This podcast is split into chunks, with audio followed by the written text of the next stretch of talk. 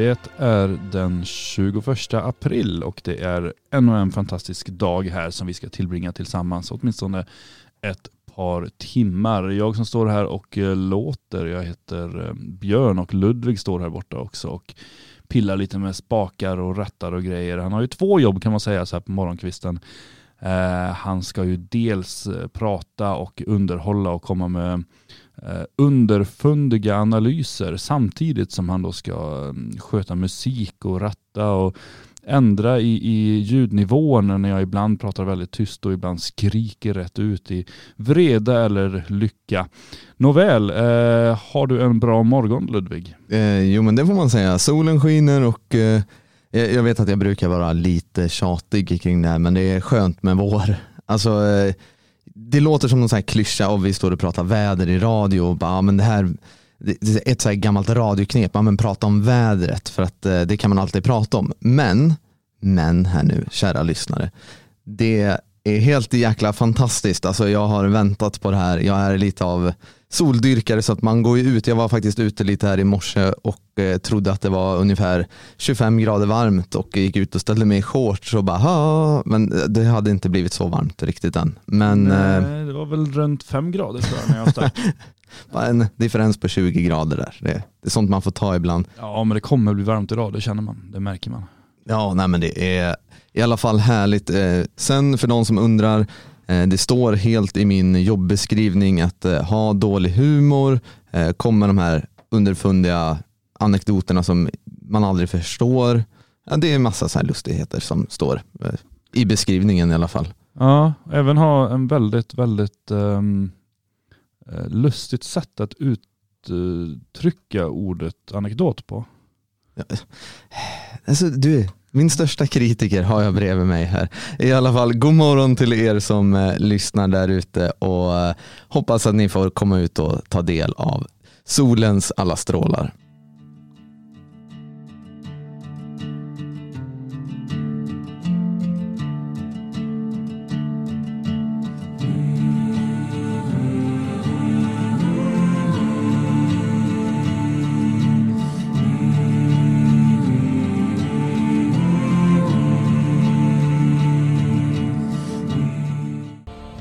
Himlarfjäll med Sunna strålar. Det behöver man eh, höra en sån här morgon så att man kommer upp ut i solen. I Amerikas förenta stater så eh, skanderades det för några år sedan och fortfarande med Build that wall.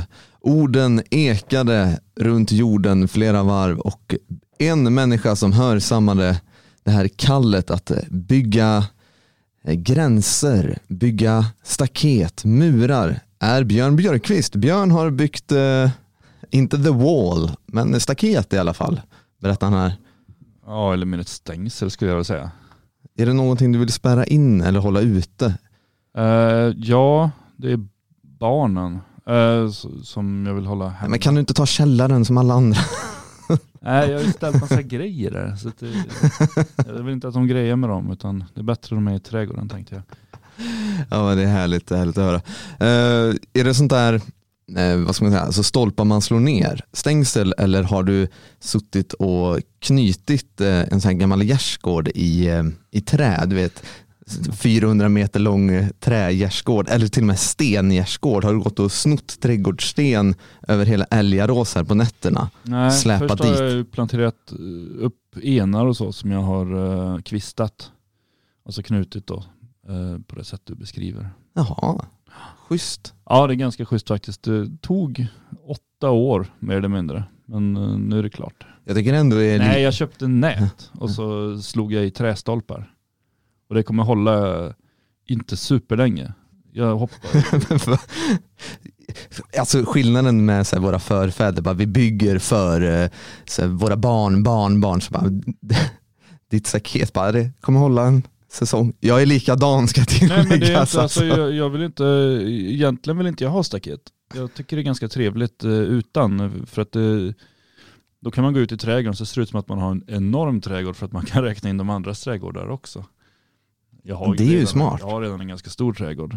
Men, men, eh, då, mm, men i och med att den minsta barnet sticker. Men jag tänker att han kommer inte hålla på med det hela sitt liv. Liksom. Eller så, det kanske han kommer. Alltså säg, säg inte det. Jag tänker ett par år liksom, så, så kan det vara inspärrat. Sen så kan jag ta bort det igen. Ja, men det är ändå bra. Jag måste också hitta min staketlösning. Känner jag. Det är viktigt med en staket. Man kan ju sätta ut eltråd och så också. Ja, men vakttorn eller någonting. Ja, Det, det, man behöver det för att hålla koll. Men jag är mer av den här typen att hålla saker ute än hålla dem inne. Jo men det är ju, det är ju både och. Eh, jag blev lite stressad kring projektet när, när det kom någon arabtant och så genade över min trädgård. Men på riktigt alltså. Det, Ja. där, där du bor alltså, springer det mycket arabtanter. Ja, Vi har ju flyktingförläggningen ju. Men vad ska de gena till där borta? Vad, vad lustigt. Jag, det, som ett gammalt band eh, för er som vet hade ju en eh, men som heter mhm, Season. Den kanske har börjat nu. Ja, nej jag vet inte, de går där ibland.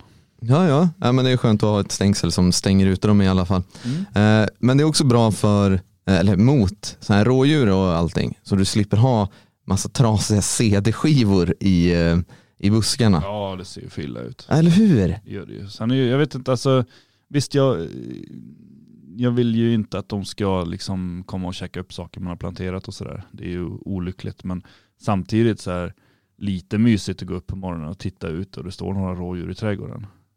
Ja, Så ja. innan man har liksom drabbats av det så känns det mysigt. Ja, men drabbad, jag vet inte vad rådjuren drabbat en med igen. Alltså förutom att så här, äta upp allting i, trädgården självklart. Men, Ja det är ju inte roligt. men jag var ute i helgen med, i, i min egen trädgård och så var jag tvungen att flytta på lite saker som har stått ute på vintern och, och sådär. Eh, och, Ja, Snögubbar och sånt. Nej, men nej, ja, li- lite så eh, redskap och sådär. Så lyfter jag på en sak och under så ligger alltså mänsklighetens vidrigaste skapelser. En jäkla huggorm. Är det mänskligheten skapar Ah, nej, alltså världs... Ja, det är fortfarande morgon, jag får skylla på det. Ja, men det är ju världshistoriens alltså, vidrigaste saker, alltså ormar. Ja, de får man inte döda heller. Nej. De är fridlysta. Ja, precis. Där ska man typ sätta upp en liten flagga istället och så bara skriva så här. Välkommen, välkommen ormen, här ska du bo. Ja, det var en liten, liten huggorm så att jag fick ta en... Vad heter de? Men jag vet inte. De Det, det något var någon som berättade De är det. så små och elaka. Det är någon här, man hör på namnet att de är luriga. Slingriga. Ja, och onda. Ja, men den här, som- eller något sånt. Det heter de. ja men det heter någon sån där Ja. fjolåring. Jag vet inte. Ormar är inte min grej i alla fall. Men den låg och sov fortfarande. Som Esping heter det. Esping. Ja, så det. Folkbildaren Björn Björkqvist. Nej det är inte jag. Jo men du förklarar ju det här dels för mig och för alla lyssnare. Nej det är ju alla lyssnare som berättar för mig. Det är ju chatten som talar om Men det. äh, ta åt dig äran nu. Ta åt dig äran Björn. Tänk på de som inte är i chatten. Det var faktiskt jag som kom på ordet esping. Nej men i alla fall, som du var så låg den här ormen och sov fortfarande och jag kunde, Nej det är en hona. jag kunde göra mig av med den eh, ute i skogen. Så den Har, nog, man flytta på dem? den har nog slingrat sig vidare och förhoppningsvis så släpper jag. Men eh, det kommer för evigt leva i mitt minne det här, den hemska upplevelsen.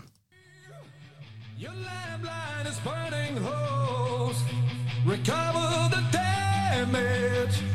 Bring it all home.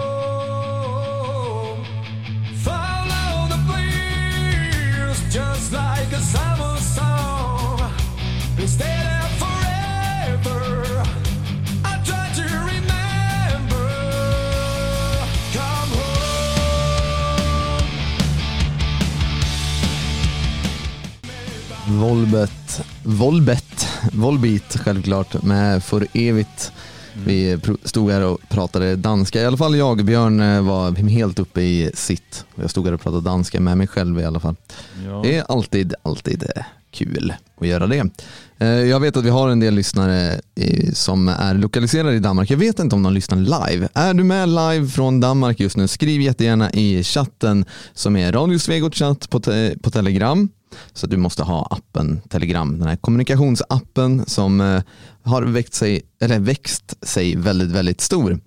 Eh, Så att, eh, är, du- är du från Danmark så hör av dig där. Jag har aldrig sett någon dansk skriva i vår chatt. Har du inte det? Nej. Vi har, det brukar dyka upp i, på medlemskvällen igår bland annat så har- dök det upp en från Danmark och vi, det var från Estland. Det är ju svenskar då som befinner sig, befinner ja, sig där. Ja, det kan jag ju inte veta. Men jag har aldrig sett dem skriva på danska i chatten. Nej, men jag vet, det finns några danskar Typ som, Boatsinker kommer in och skriver något så här obegripligt.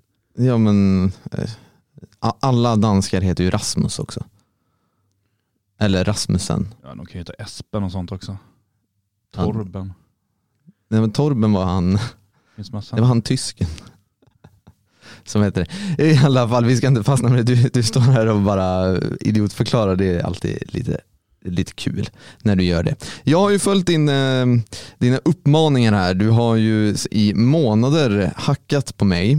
Ah. Egentligen varje morgon och sagt att eh, Hörru du, du, nu är det omställning till vår. Varför har du byxor på dig? Inte att du vill ha mig byxlös, eh, Nej. utan du har uppmanat mig att ha på sig shorts. Det har jag inte gjort. Jo, du har alltid gått och trackat mig.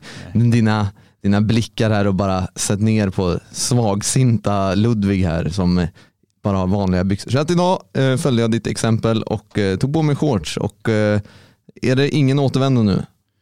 Nej, alltså jag tycker inte det. Sen eh, kan det ju vara värt att påpeka att vuxna karar går ju inte runt i kortbyxor egentligen. Utan egentligen så har man ju normala byxor på sig jämt. Ja, ja jämt. Ja. Det är en gammal regel jag har fått lära mig. Men, men den struntar jag i. Så att jag tycker att ja men är inte regler lite till för att brytas ändå? Alltså, ja, det är ju en gammal, gammal eh, eh, traditionalistisk regel. Att ser du en regel, ser du en norm så bryt den. Alltså här försöker jag lägga in en sån här eh, lite snickarpann, liksom inte en regel till för att brytas eller sågas eller Ja. spikas i. I alla fall, vi eh, lämnar det här så kallade small talket tycker jag. Det gör vi och så går vi in på de stora ämnena och gratulerar Anneli och Annika som har namnsdag just denna dag. Gratulerar, gratulerar. Känner du någon Anneli eller Annika? Eh, ja, några stycken gör jag väl.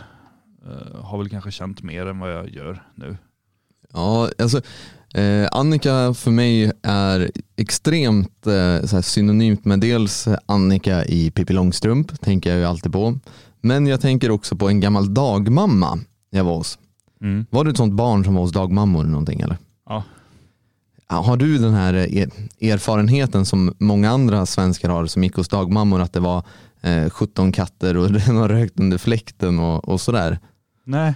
Nej, det, det är jättelustigt. Jag, jag har också en väldigt bra bild av dagmammor. Mm. Och så här, ja, men det var gemytligt eh, lite utanför, eh, alltså lite på landet och stor, eh, stor tomt och många barn och bara svenska. Det var väldigt trevligt helt enkelt. Mm. Men och så har man pratat om det här, men dagmammor är jättebra. Nej men här, vadå dagmammor? De sitter och rö- röker under fläkten och det är ungar över, överallt. Det är en liten trea. Man bara, jag tror hela dagmammefenomenet såg helt annorlunda ut inne i stan än på landet. Det Eller, måste det ha gjort. Vi hade ju ett stort hus, tre eller fyra våningar om man räknar med källare. Och eh, eh, vad var vi? Fem barn kanske? Stor, jättestor trädgård. Var det tråkigt kunde jag ju gå hem. Det var ju så här, så 800 frivilligt. Liksom. 800 meter hem liksom och då var ju pappa där. Så det, var ju, men eh, det ville jag inte för det var roligt där. Ja, ja, i eh, vilket fall som helst. Eh, gratulerar på namnsdagen Anneli och Annika och eh, vi, vi får också ta och be om ursäkt tror jag. Ja det får vi göra. För det var under gårdagens sändning så det glömdes helt enkelt bort vem som hade namnsdag. Ja. Jag vet att ni är några så här, namnsdagsautister där ute som verkligen vill höra vem som har namnsdag. så att jag hoppas vi inte ställer till det på arbetsplatsen när du har gått där i, inte vet jag, 22 dagar och väntat på att din kollega ska ha namnsdag och du ska kunna säga det och vi förstörde det. Ja, eller så här, någon som heter eh, Amalia som vred upp radion lite extra så här, bara, för att nu kommer det komma. Bara, lyssna nu alla, lyssna nu alla. Så satt de och lyssnade en hel sändning med förvirrade resonemang och så bara, eh, utan att det, eh, det nämndes. Men eh, så att i efterskott så gratulerar vi ju Amalia och eh, Amelie. Och idag har Anne, Anneli Ja, och igår hade Amelie. ja. Är inte det samma namn? Imorgon har Acneli. När man inte gillar sina barn liksom. Men namnsdag, det ska de ha. Ja, i alla fall, vi tar och blickar tillbaka lite grann på dagens datum i historien och eh, vi ska gå långt, långt, långt bak. Rent historiskt väldigt långt bak men i det europeiska medvetandet så är det inte kanske lika långt dit. Det här är grundläggande saker som har omdanat och format Europa så som det ser ut idag. För dagens datum i historien, till skillnad från vad som sägs att eh, Rom inte byggdes på en dag, så är det idag 753 före Kristus som eh, enligt legenden så grundas staden Rom. Jag vet inte om den blev färdigbyggd på en dag, men eh, den grundas i alla fall enligt eh, den här legenden. Är det med de här två figurerna som, som eh, träffar någon varg och så här, blir ammade av den? Ja, eh, Remus och Romulus. Ja, är det det som händer den här dagen? Det är lite vad som händer eh, den här dagen. Och eh, vad ska man säga? Romulus, han blir ju då Roms första kung. Rom, Rom är ett konungarike fram till ungefär 509 före Kristus tror jag. Och sen blir det då den här kända republiken Mm. och imperiet expanderar väldigt mycket och till sist så blir det alltså blir kejsardöme och då är det då det de facto blir ett imperium. Eh, och som alla säkerligen vet så romarriket blir ju det största riket vi har skådat i Europa Eh, på väldigt lång tid och lägger en civilisatorisk grund i Europa eh, som i mångt och mycket fortfarande gäller. Städer grundas runt om, vägnät, akvedukter, eh, den romerska rätten införs. Det är mycket som sker, en utveckling som är väldigt, väldigt stort. Och det jag tänker på är själva grundandet kring Rom, även om det är mycket historiskt belagt, mycket är inte historiskt belagt, för det är lite dölt i, i skuggor, i historiens skuggor sådär. Och det är alltid trevligt att få sätta sig in i, i alla fall jag tycker det, och jag tror många av våra lyssnare kan hålla med mig om det, men det finns ett värde att sätta sig in i de här myterna och sagorna från dels romarna, men greker, kelter, germanerna, svenskar. Alla europeiska folks, folkslag är, det finns ett, det är trevligt och det, jag tror det är välbehövligt att sätta sig in i de urgamla myterna från våra förfäder. Mm. Eh, och tror man, eller bara har man läst en historiebok så ser man att vissa tendenser kommer igen i olika typer av civilisationer runt om i världen. Mm.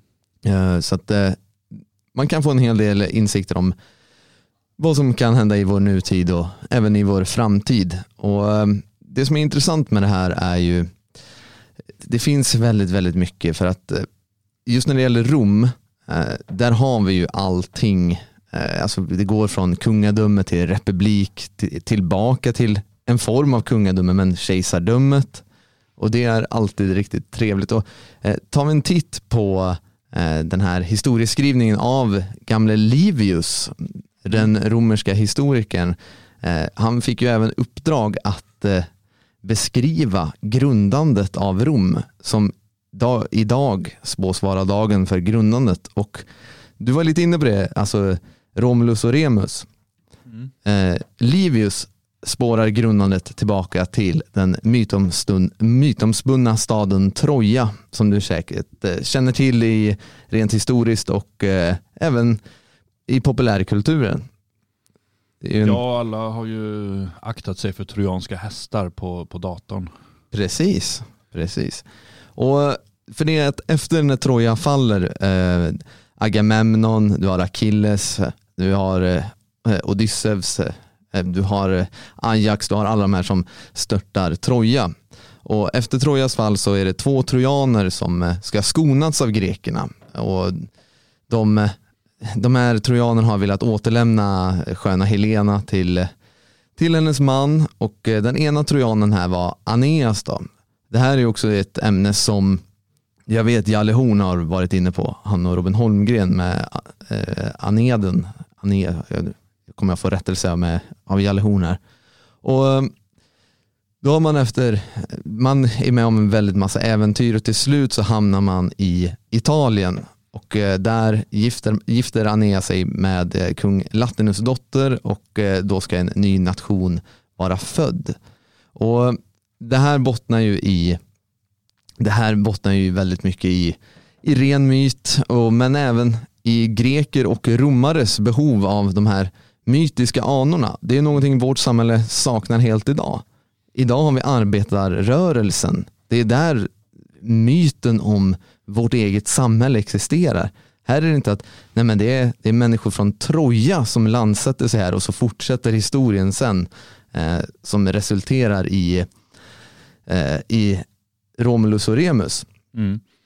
Så att, eh, jag vet inte, vad är det närmsta vi kan komma den gudomliga skapelsen för vårt samhälle? Nu, pratar jag inte, nu får du inte fuska här och gå, gå tillbaka till liksom hednisk tid i, i svensk historia, men det moderna svenska samhället har ju ingen skapelsemyt. Alltså, Eh, inte av den här magnituden. Ja, det är ju socialdemokratin i så fall. Vi hade ju på um, Alltså berättelserna kring Vasa och så var, var ju baserade ganska mycket på, på mytiska uppgifter och eh, man eh, gjorde väl även släktforskning på Vasa och kunde väl eh, hitta direkta led till bibliska personer och sånt där. Eh, men, men i modern tid så, så mm, ja, Det, det pratas ju inte ens om ursprunget överhuvudtaget idag. Ska vi... Nej, utan det är ju någonstans, alltså Sverige var i misär, förtryck, människor flydde härifrån till Amerika och sen kom eh, den ganska korte men fantastiska August Palm och liksom räddade mänskligheten och skapade det nya Sverige där alla hade det bra. Och sen kom mikrovågsugnen.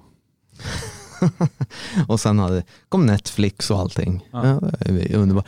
Nej, men i alla fall, eh, Aeneas, eh, då, hans eh, ättlingar, de tjafsar om tronen väldigt mycket och i samband med hela den här konflikten med Trojas ättlingar i Italien så stiger då Mars, krigsguden, ner på denna jord och eh, helt enkelt eh, våldtar en vestal vid namn Rea Silvia hennes tvillingsöner blir då Remus och Romulus som senare sätts ut i skogen då helt enkelt för att dö dessa oäktingar och även Guds barn. Eh, de här människorna blir då uppfostrade av en varghona. Man, den här väldigt kända bilden på att eh, det är två barn som blir diade av, av en varghona. Mm. Lite absurd bild kan man tycka med moderna ögon. Ja, lite grann, men det är också en symbolik eh, eh, som kan spåras tillbaka till urminnes tider, att vargen är med oss. Vi har ju även det i fornnordisk eh, alltså myt, just det att vi har ulfednar och vargkriget, vi har varulvar i det europeiska medvetandet och vargen har ständigt varit våran kompanjon i, i historien. Och när jag pratar om vi så säger jag hela vi som europeiskt kollektiv. Och eh, Remus och Romulus, eh, de blir omhändertagna av den här varghonan och även av en god herde. Och de blir ledare för en, eh, en ganska så stökig ynglingaskara där de eh, helt enkelt härjar runt. Man skapar sig ett, en form av rövarband där man eh, tänker hämnas eh, den här vidriga saken att sätta ut barn i, sko i, i skogen. Ja. Eh, och det är många barn som kommer till och vuxna därtill och man, eh, alltså en form av fosterbrödralag uppstår och eh, man, man har sitt gäng.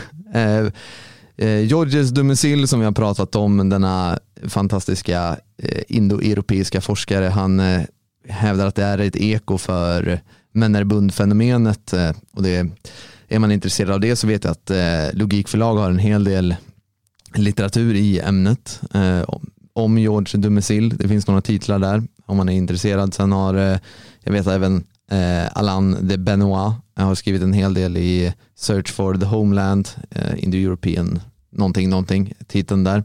Men i alla fall, eh, Romulus och Remus, de grundar ju då staden Rom idag.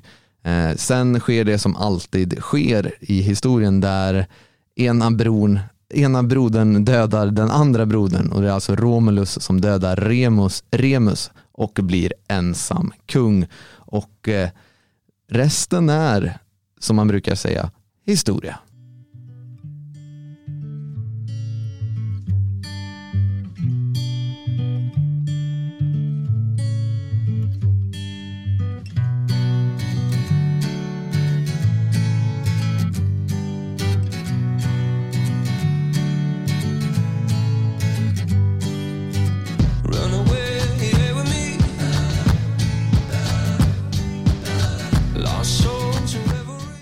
Ex-Ambassadors med Renegades.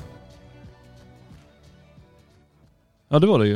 Eh, som, vi, som vi lyssnade på. Eh, Ludvig eh, kastar över guldhorn på mig här. Precis, precis. Eh, lite obehagligt. Men, eh, eh, jag ska, eller nej, jag ska inte spoila historien. Ja. Du, du, du får ta den. Ja precis, för att vi är ute här och promenerar i vad som har hänt i historien och hoppar ju då fram i tid och även lite närmare oss själva och det är ju 1734 som den danske boden Jörklassen. Jörklassen. Hörd. Eh, han, Jerk hade vi väl sagt på svenska va? Jerk Lassen. Mm. Eh, han hittade ett eh, guldhorn från järnåldern. Eh, när han höll på och grävde lite där han stod. Och ehm, ja, han blev väl glad får man tänka. Oh, vad har jag hittat här? Ja, eh, sen har man hittat ehm, fler eh, sådana och ehm, Ja, det är de här kända gallehushornen som de kommer att kallas i Danmark och de är danska nationalklenoder. eller var. Exakt. Eh, för att sen kom någon och bara, nej men de här tar jag. Så bara snodde de och smälte ner dem och nu kanske de ligger i något valv hos någon uh, krumnöst rackare någonstans. Eh, jag vet inte, man har gjort nya kopior av dem. Jag har säkert varit och tittat på dem skulle jag tro i, i, i något museum i Köpenhamn. Ja, Nationalmuseet i, i Köpenhamn så finns kopiorna på det. Eh, det här får ju mig att tänka på hur mycket av våra nationalklenoder egentligen är fake. Det måste vara så ofantligt mycket, så mycket som har gått liksom förlorat.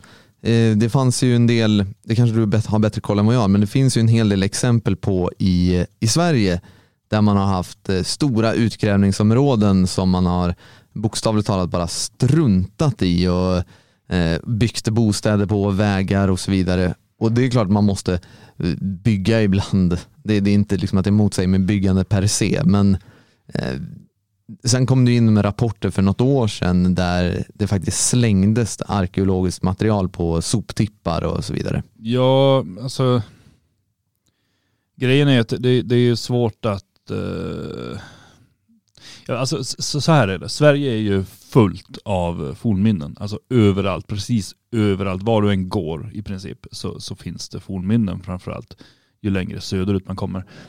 Ehm, och att, att um, man från statligt håll har slängt fornminnen, det är ju inte så att man bara, ah, vad är det här för en guldhalskrage, den går vi och slänger, utan det är ju typ så här en liten rest, ett korn från en spik. Det är ju sådana saker de har slängt. Det har ju inte varit Uh, för jag vet, det är ju inte möjligt att spara allting. Jag, jag förstår uh, själva grejen att de inte har, har sparat allting, att de, att de slänger en del saker. Det är ju inte de, de fina föremålen, de enskilt kulturellt viktiga föremålen som slängs, utan det är ju så här, liksom, träbit. Så här, bara, ja, den här träbiten har hittats i jorden, den kan vara från 1612. Den har nog tillhört ett hus som kanske har stått här. Och i det huset kanske någon viktig människa har varit. Ja, eller oviktig. Alla är väl viktiga på sitt sätt. Viktig för sin familj kanske. Nej men så att det, det är väl, jag vet inte. Det, det, och, och, och allt som slängs har ju dokumenterats och liksom sparats på det sättet. Så att jag tror inte att det, det är kolossalt farligt. Men däremot är det ju, det är ju tragiskt när sådana här saker, eh, de här hornen eller även, eh, vi har ett exempel från Gotland där hav och ringen blev stulen. En guldhalskrage av eh, episka mått. Eh, men som antagligen stals för att bevaras och antagligen ligger någonstans och väntar på att komma fram igen i framtiden. Det får framtiden utvisa.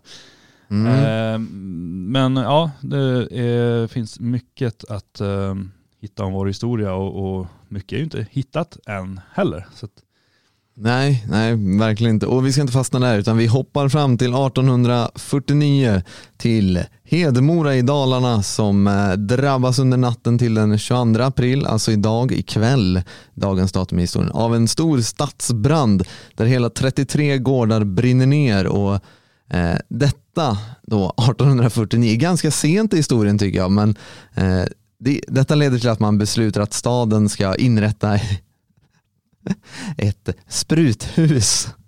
Eh, ja, och det dröjer ungefär 20 år tills man eh, skaffar sig en riktig brandkår. Jag, jag tycker det är skönt. Men spruthus, för den moderna människan så låter ju det här nästan absurt. Va, vad är ett spruthus? Nej, alltså det, det är ju en brandstation.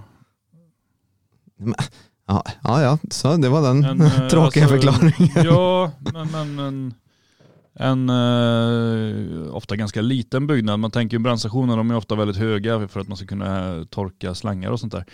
Mm. Eh, och, och har man riktigt tur när man kommer in i en brandstation då har de ju en sån här eh, strippstång också så man kan hoppa ner och, och hoppa ner en våning för att man har bråttom. Mm. Eh, det är coolt. Ja, vad är det? Är det jag tror inte det är så ofta man ser sådana på brandstationer nu för tiden. Men det, ja, men är det verkligen en brandstation om den inte finns? om, Kan det verkligen kategoriseras som brandstation om den här stången inte finns? jag Tänker jag. vet inte. Jag besökte en brandstation i Norrköping för massa år sedan. Då hade de en sån som jag fick Wee! Det var inte Sprang upp för trappan och så ner igen. Nej, det var ju inte så roligt som man hade föreställt sig, men det var ändå, man fick göra det. Eh, Sådär ja, sådär ja. Men det här var ganska små byggnader eh, där det typ fanns liksom brandslangar. Ja, ja. Så det, då har vi lärt oss vad ett eh, spruthus var. Så att, eh, till dig med snuskig fantasi, det var inte att Hedemora upprättade bordeller för att, eh, för att eh, liksom stoppa bränder, utan det var i brandförsvaret där. Vi pratade igår lite om dagens datum i historien, så pratade vi om, Det hade varit konstigt att bara köra den, ja men stan brann ner, så bara, nej men nu, nu bygger vi en bordell. för då går man inte och eldar. Ja, konstigt. Det kan, kan vara så. Eh, I alla fall, vi pratade igår om eh, Manfred, Manfred von Richthofen, denna röd baron som eh, blev ett extremt välkänt flygares och idag, dagens datum, så blir han nedskjuten och dödad i en luftstrid mot brittiskt flyg. Och kaptenen på den här brittiska flygmaskinen eh, har ju länge varit ansett att det är eh, Arthur Roy Brown för att han tar åt sig äran för att ha skjutit ner eh, den röde baronen och han belönas med ett Victoriakors, han får ett eget flygplan och han får 5000 pund. Det är nu jag tycker det är så roligt. Han, det här blir ju en, en nationalhjälte i Storbritannien. Bara, han sköt ner eh, liksom, den tyska faran uppe i luften. Den här människan som har skjutit ner över 80 plan eller vad han nu sköt ner. Mm. Och nu däremot efter lite forskning så visar det sig att eh, forskarna har kommit fram att det är väl antagligen en kille från Australien som blev stationerad på västfronten som heter Cedric, Cedric Popkin som eh, sköt ner Richthofen på, från, med luftvärn. Mm. Eh, så att, eh, ja, ta tillbaka den där medaljen tycker jag.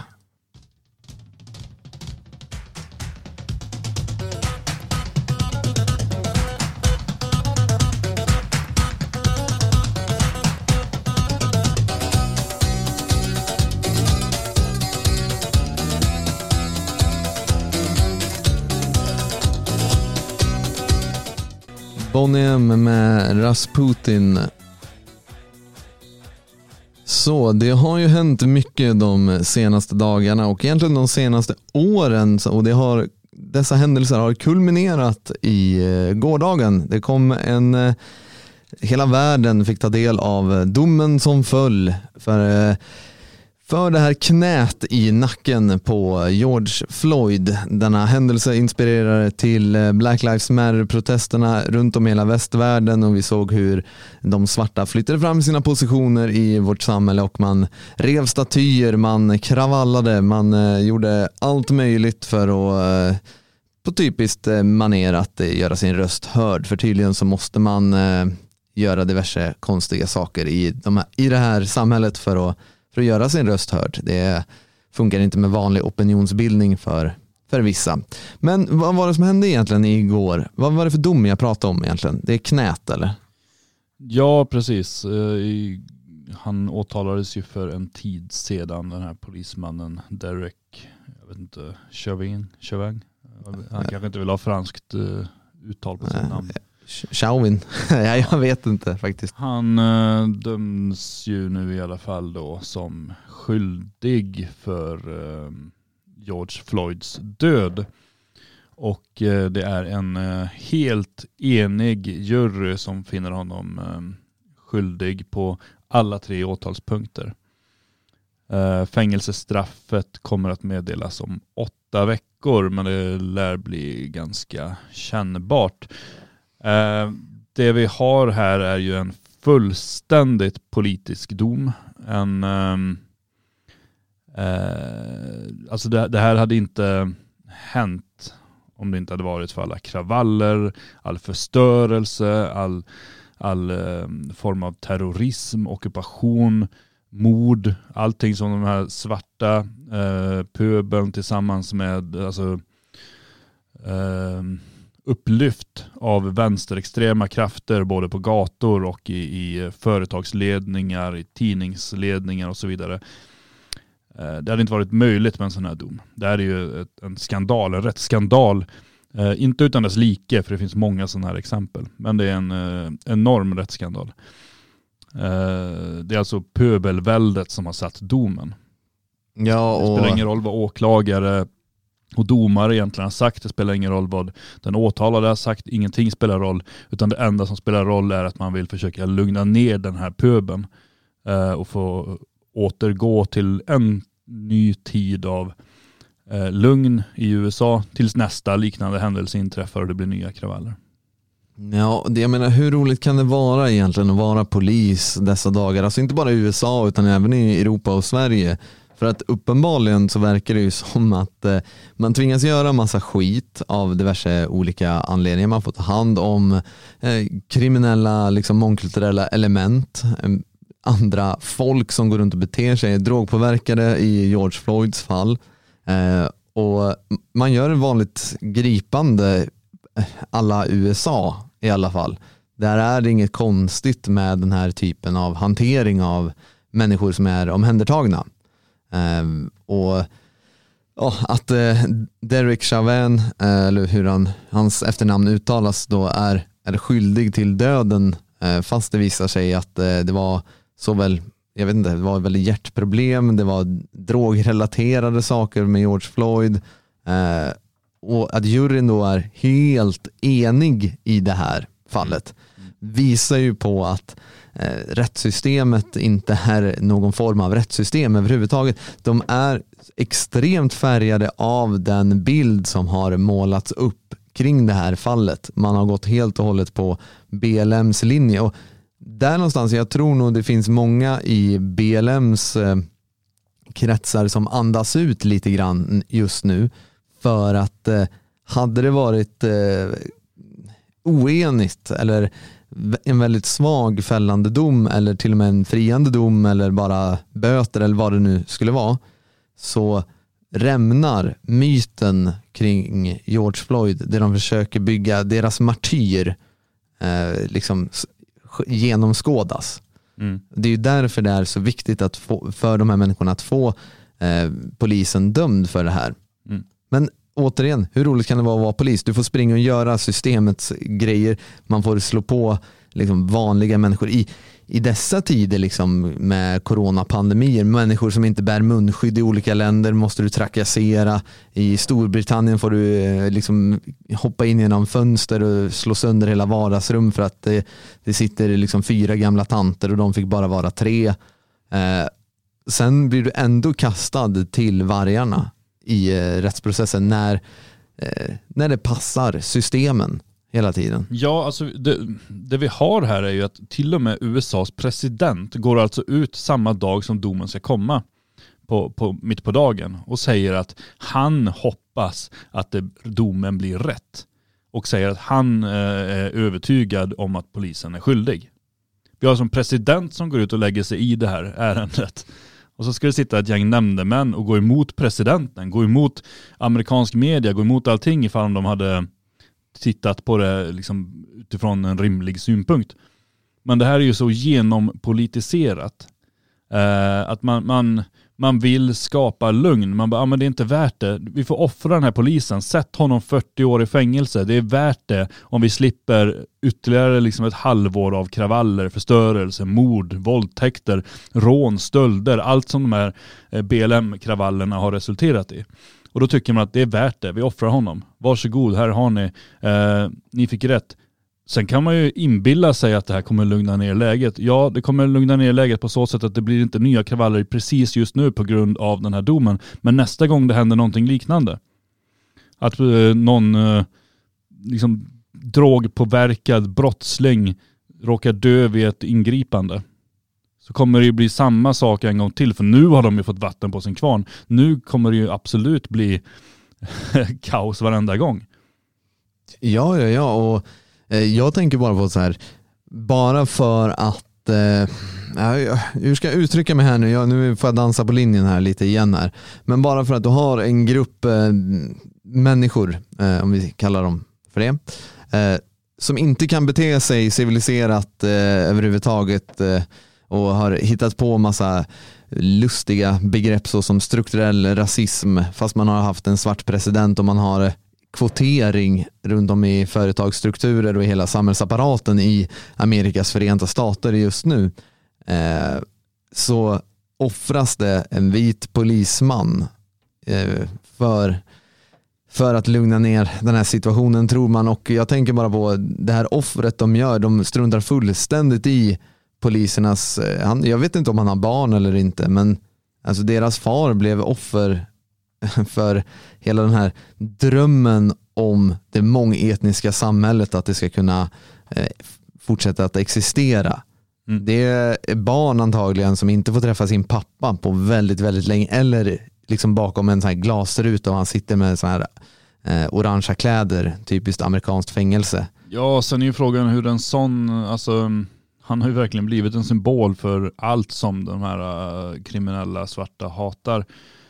Eh, så att frågan är ju hur, hur pass bra han får det i ett amerikanskt fängelse. Eh, eller om han liksom blir, får sitta isolerad nu i 40 år. Det återstår ju att se. Men det är svårt att se att han skulle liksom överleva bland eh, svarta kriminella i allt för många år. Ja, men en sak som uppstod genom att, det här, med att domen kom och sådär, det var ju att det kom ju även en, en rapport kring eh, den här förintelsen av Kapitolium som ägde rum i januari.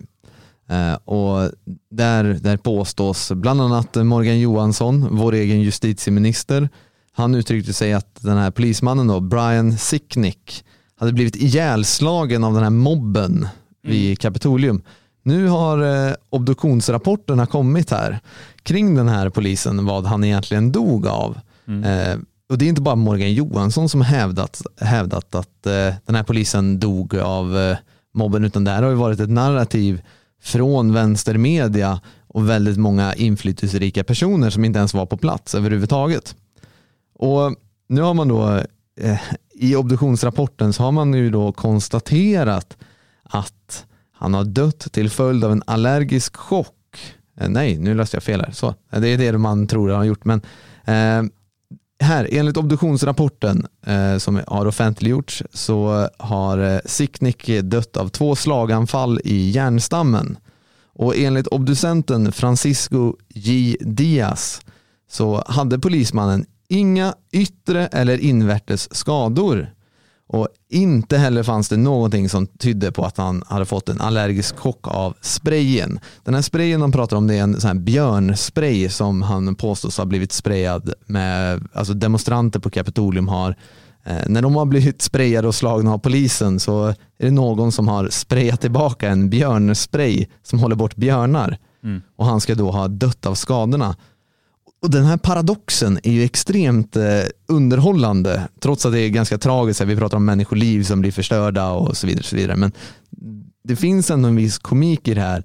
Eh, just nu så i domen eh, kring, eh, kring Chauvin eh, och fallet George eh, Floyd, där är det liksom bra, bra att, eh, att nu rättvisan får ha sin gång, det är det här. Men man, då kan man lita på systemet, men med en obduktionsrapport som kommer samma dag, Mm. då ska man inte lita på det. Då är det, då är det helt enkelt synd om polisen.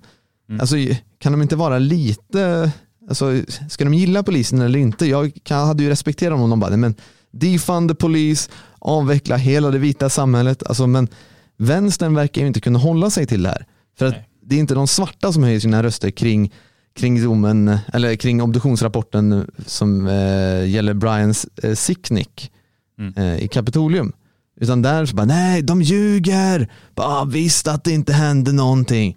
Huh. Det är precis samma argument som, eh, som uppstod när George Floyd fick ett knä i, i nacken och bara, nej men han dog inte av det här utan han dog av andra orsaker senare. Mm. Och vänster bara, nej, nej. Så- Nej men det är verkligt, märkligt är att eh, det kommer liksom välgrundade obduktionsrapporter men vänstern är inte nöjd utan de måste alltid göra om dem med speciellt utvalda läkare och då blir Mm. det rätt. Ja men Det det är en så. himla slump alltså. Det är oerhört besynnerligt. Nej men jag vet inte, vi var inne lite grann på det här med att, alltså, att vara polis i USA. Ehm, Jag eh, antar att vi kommer få se oändligt många uppsägningar nu. Ja, alltså, jag skulle inte våga vara polis i USA när, rättsväsendet är så här osäkert och där staten tar ställning för kriminell pöbel framför liksom fakta, framför eh, verklighet. Utan att man bara ställer upp på liksom gatans parlament och deras eh, önskemål. Det går inte att vara polis under de förutsättningarna. Man är helt rättslös. Och eh, alltså, det, det är ju sån total katastrof. Jag antar och jag hoppas också att många säger upp sig och att USA får stå nu utan sin polis. Ja, eh, vi kan väl säga att eh, vi är på Sverige Vakna kanske stödjer det här defund police. I alla fall när det gäller de vita poliserna. Sluta inte? jobba där liksom. För det, ja, men jag kan också förstå att eh, många eh, alltså vita poliser, och det här gäller även svenska poliser, alltså att man blir väldigt förvirrad just nu. För en av anledningarna varför man blev polis från första början, framförallt i USA tror jag, jag tror det kan finnas eh, alltså underliggande känslor kring att bli eh, polis som handlar de facto om att jag får banka människor eh, hos en, en hel del poliser. Mm. Dels, eh, det Det, finns... är ju ett machojobb. Man får gå runt med pistol. Liksom. Ja men, ja, men precis. Och, och jag kanske är extremt fördomsfull här, men någonting i vissa stater i USA så är det så här, bara, nej men jag vill banka buset, något så fruktansvärt. Vilket är en hel sund normal reaktion att göra för en, en människa. Men då har man valt polisens väg. Mm. För då får du banka buset. Och buset i, i många stater i USA är svart. Ja. Så att det, det blir liksom synonymt där. Så att eh, eh, det måste vara jobbigt när man inte får, får göra det. Men ja, jag vet inte. Jag, jag är nog på din linje där Björn, att jag hade inte heller velat vara polis i, i USA eller någon annan stat i den här världen just nu. Nej.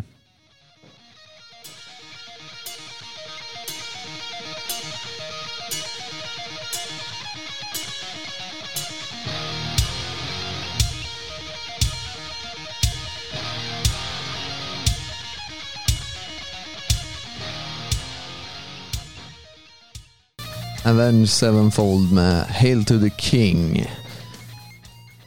Det mångkulturella samhället gör sig varje dag påmind om sig självt och dess vidriga skapelse. Och som vanligt så är det vanliga svenska barn som faktiskt får ta den första smällen i den här omdaningen av allt eh, vad vi och våra förfäder har byggt.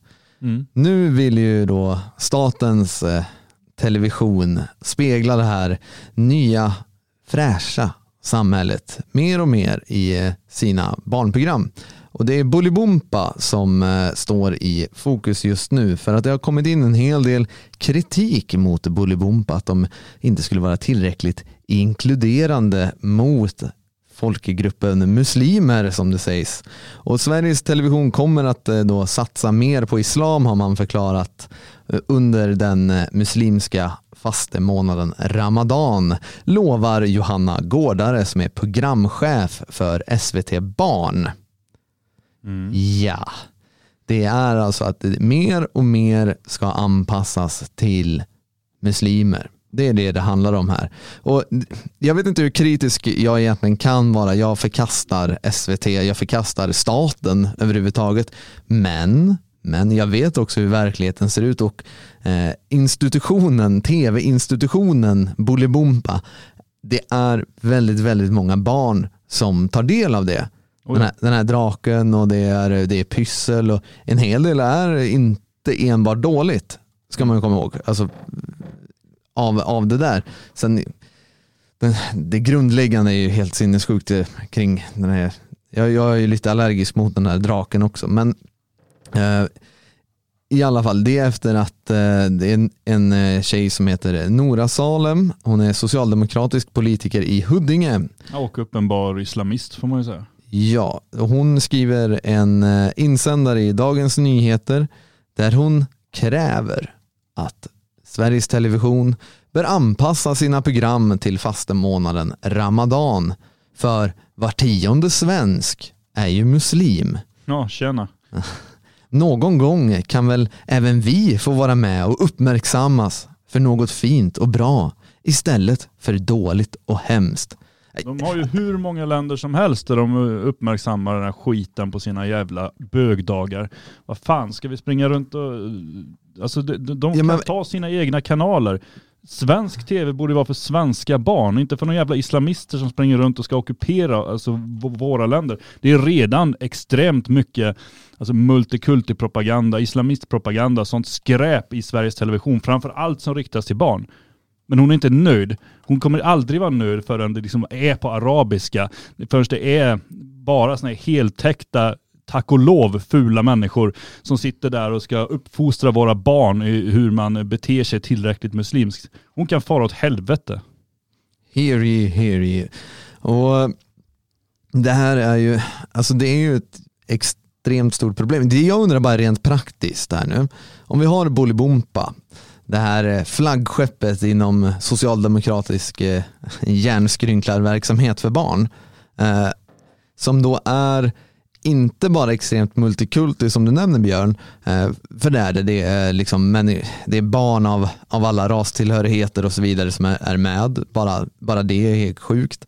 Eh, men man har ju även lutat sig en hel del mot eh, liksom, homo globo-komplexet och eh, pride, alltså hela pride-spektaklet. Nu ska man få in mer islam. Och hur ska man uppmärksamma ramadan? Ska den här förbannade draken, ska, ska han inte äta? Jag vet inte, brukar han äta den här jävla, alltså det är en människa i en dräkt. Bruk, Ja. Brukar draken, eller hur ska man uppmärksamma det? Nu är det ramadan, så att en del av publiken, ni får inte äta. Men ni andra ungar, passa på att käka så mycket ni kan just nu. Eller hur, hur ska man göra det? Jag vet inte, i rättvisans namn ska väl ingen få äta, jag vet inte. Men det, eh, nej men de ska väl uppmärksamma, prata om eh, kulturen, prata om eh, högtiden och sen när det närmar sig liksom, de här festdagarna så ska väl det uppmärksammas och så tycker man. Vad är egentligen muslimsk kultur? De har bara ramadan och eid och sådana töntiga saker. Ja, allt annat är ju hämtat utifrån. Och allt gott har kommit utifrån. Mm. Eller från, inifrån kanske är bättre här i det här fallet. Eh, för de som inte vet var ett eh, förvanskat citat från Mona Sahlin där de beskriver svensk kultur än en gång. Men eh, det kommer också bli mer islam för barn i våra tv-apparater för att eh, Johanna Gårdare, då, den här programchefen för SVT Barn, eh, svarar på Nora Salems insändare. Bland annat så skryter hon lite om att Lilla Aktuellt, där eh, nyhetsprogrammet för barn, tidigare i veckan hade ett inslag om hur en muslimsk familj firar den muslimska fastemånaden. Och tillägger hon, dessutom kommer Bolibompa-klubben särskilt uppmärksamma festhögtiden Eid. Mm.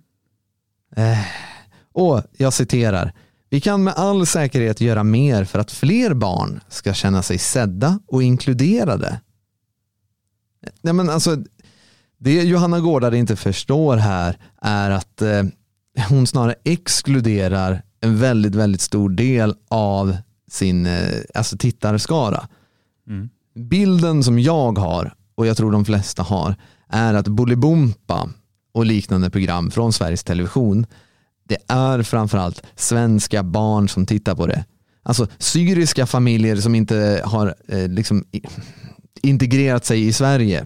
Eller arabiska familjer som inte vill integrera sig i Sverige. Människor som inte är assimilerade över, överhuvudtaget. De tittar ändå inte på Sveriges television överhuvudtaget. De tittar på sina liksom, Al Jazeera-kanaler.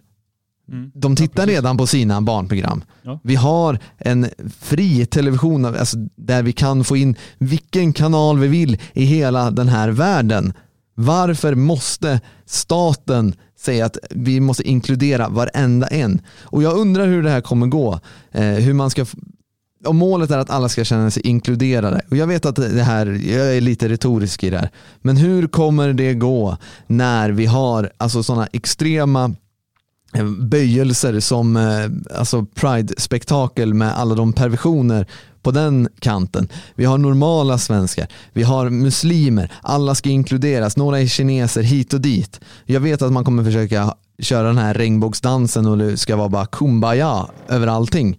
Men hur kommer det bli de facto? Varför skulle då eh, muslimer vilja se eh, att se sina barn titta på de här skitbarnprogrammen. Bara, ja, men det är en arab med. Bara, Jaha, men det är skit ändå. Ja, Och nej, de men det- kommer ju inte titta på det heller. Utan det här är bara mot oss. Riktat direkt mot våra barn. Ja men det är klart det. Alltså, och och jag, jag, jag har stått nu lite grann och tittat på den här Nora Salem, islamist-sossen. Eh, hon, eh, hon har ju hållit på och bråkat om SVT och skrivit den där DN-artikeln. Men hon är ju inte nöjd och nu har eh, SVT Nyheter publicerat en, ett inslag om en eh, flicka som uppmanades av skolan att inte fasta under Ramadan. Och gjort ett snyftreportage om det här. Att, eh, ja, hur, hur kan ni göra så här? Eh, Hur hur kan skolan liksom gå emot det här lilla barnets vilja att uttrycka sin tro och sin religion? Eh, Men Nora Salem är inte nöjd.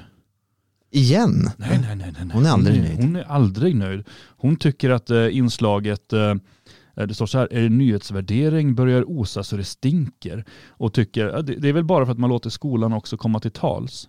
Och sen så har människor kommenterat eh, på SVTs på sociala medier och så här och tagit ställning mot alltså islamiseringen och mot eh, att, Ramadan.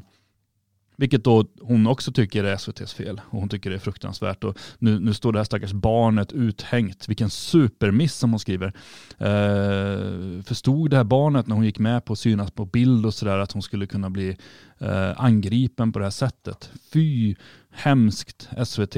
SVT borde alltså inte prata med skolan. De borde bara köra allting ur ett muslimskt, islamistiskt perspektiv. För då blir den här socialdemokraten glad och nöjd.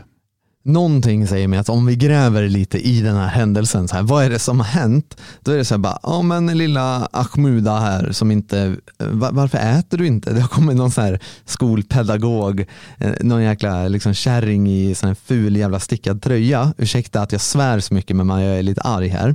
Eh, och bara, nej men eh, lilla Fatima eller vad det nu heter, varför sitter inte du och äter med de andra barnen? Och så bara, nej men det är ramadan, men ska du inte bara äta lite? Du, du verkar så trött och hängig, du kan inte prestera i den eh, socialdemokratiska skolan om du inte får i dig näring.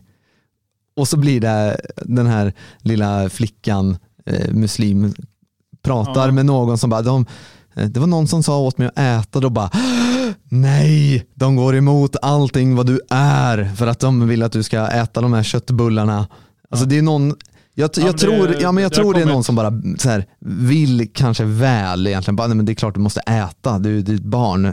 Du leker och du ska prestera i skolan. Du behöver äta. Ja, nej, men det har kommit ett sms till föräldrarna som har upplyst om att eh, de inte vill att man fastar i skolan. Eh, och det har väl antagligen inte kommit till henne då specifikt utan till alla kanske. Vi fick hem en lapp eh, i, från skolan om att eh, nu börjar Ramadan eh, och vi uppmanar alla att eh, äta för det är viktigt när man ska vara i skolan och lära sig saker och sådär. Men, Bra. att, men att det är ju eh, frivilligt och att man skulle mm, fylla i en eh, blankett om man avsåg låta barnet fasta dagtid. Av någon anledning så hade den biten klippts bort på vår lapp så vi fick bara, vi fick bara själva informationen där och ingenstans att fylla i så de antog nog inte att det var något fastande på gång där i vår familj. Oh. Eh, men eh, nej, jag, vet inte, jag tycker väl att det är rimligt att man eh, uppmanar barn att äta. Jag menar ramadan, precis som mycket i islam, är ju väldigt anpassat dels från en helt annan tid och dels från en helt annan del av världen. Eh, att inte äta när det är ljust är ju ganska lätt i ett land där det är ganska mörkt ganska tidigt medan, jag menar, tänk liksom uppe i Norrland. Bring it on. Ja, nej, men det blir väldigt svårt och de har ju haft kolossala problem med det där och en del har försökt tolka då att ja, fast vi måste nog ändå utgå ifrån typ hur det ser ut i Mecka och så anpassar vi oss efter det och så får man äta och sånt. Men den andra mer inlärda tycker att nej, Nej, solen är ju uppe. har man flyttat på sig så får man anpassa sig efter där man är. Nej, men det, är li, det är lite som att det är lite eh, så det borde naturen- gälla med allt kan man tänka, att man borde anpassa sig efter där man är i alla sammanhang. Ja, och det är som att naturen försöker säga oss någonting. Att det kanske inte är lämpligt med Islamism- lik, liknande tra, traditioner. Ja, här men uppe. islamism passar ju inte in helt enkelt. Det, det är, så enkelt är det ju. Islam passar inte in överhuvudtaget. Har aldrig gjort, kommer aldrig göra. Det är ovälkommet också. Väldigt ovälkommet.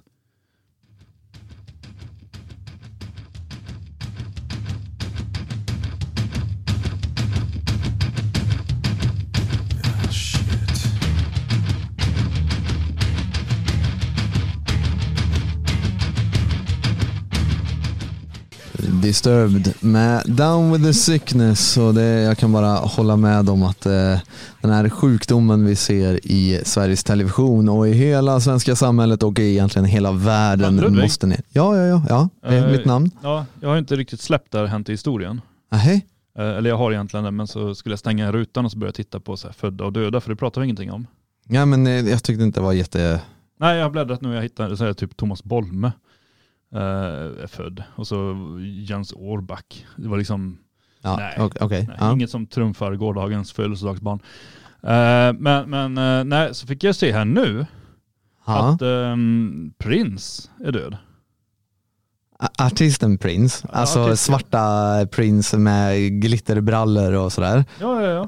Jag vill inte Han, vara som, han bytte väl namn några gånger, så här, symbol eller någonting hette han väl. Jag vill inte vara sån Björn, men det var några år sedan va? Eh, det var 2016, dagens, dagens datum 2016. Ja, Hade du missat att han var död? Vadå, vet folk det?